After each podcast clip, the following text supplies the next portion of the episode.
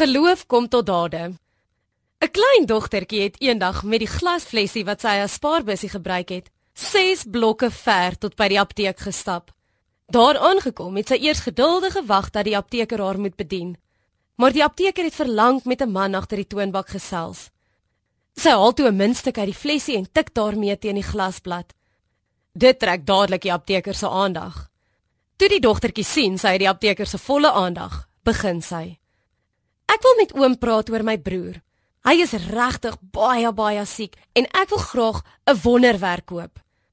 Daar is iets baie kwaadaardig besig om binne in sy kop te groei en my pa sê net 'n wonderwerk kan hom nou red.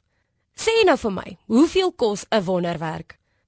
Ek is jammer, maar ek kan jou nie help nie want ek verkoop nie wonderwerke nie, sê die apteker. Luister oom, sê die dogtertjie.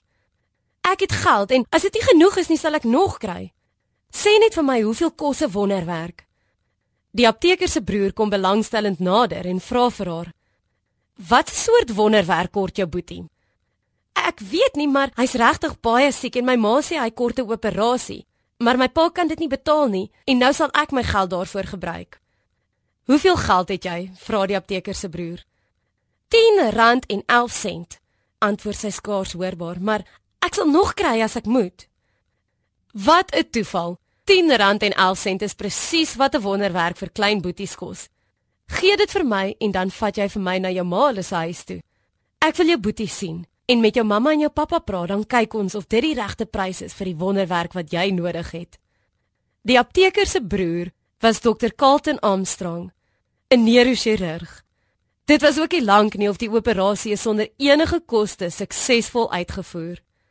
Toe Kleite na die operasie weer terug by die huis was, sê hulle maar: "Die chirurg was 'n wonderwerk. Ek wonder wat het dit gekos?" Die dogtertjie lag toe net by haarself en sy weet presies wat hierdie wonderwerk gekos het. R10.11 plus die geloof van 'n kindjie. In Jakobus lees ons: "Die geloof wat nie tot dade kom nie, is dood." Hierdie dogtertjie leer vir ons 'n baie waardevolle les hoe sy met haar geloof in die apteek ingestap het en aksie geneem het om vir haar boetie 'n wonderwerk te kry. Keer op keer sien ons hoe Jesus sy disippels aanmoedig tot dade, tot aksie deur hulle geloof.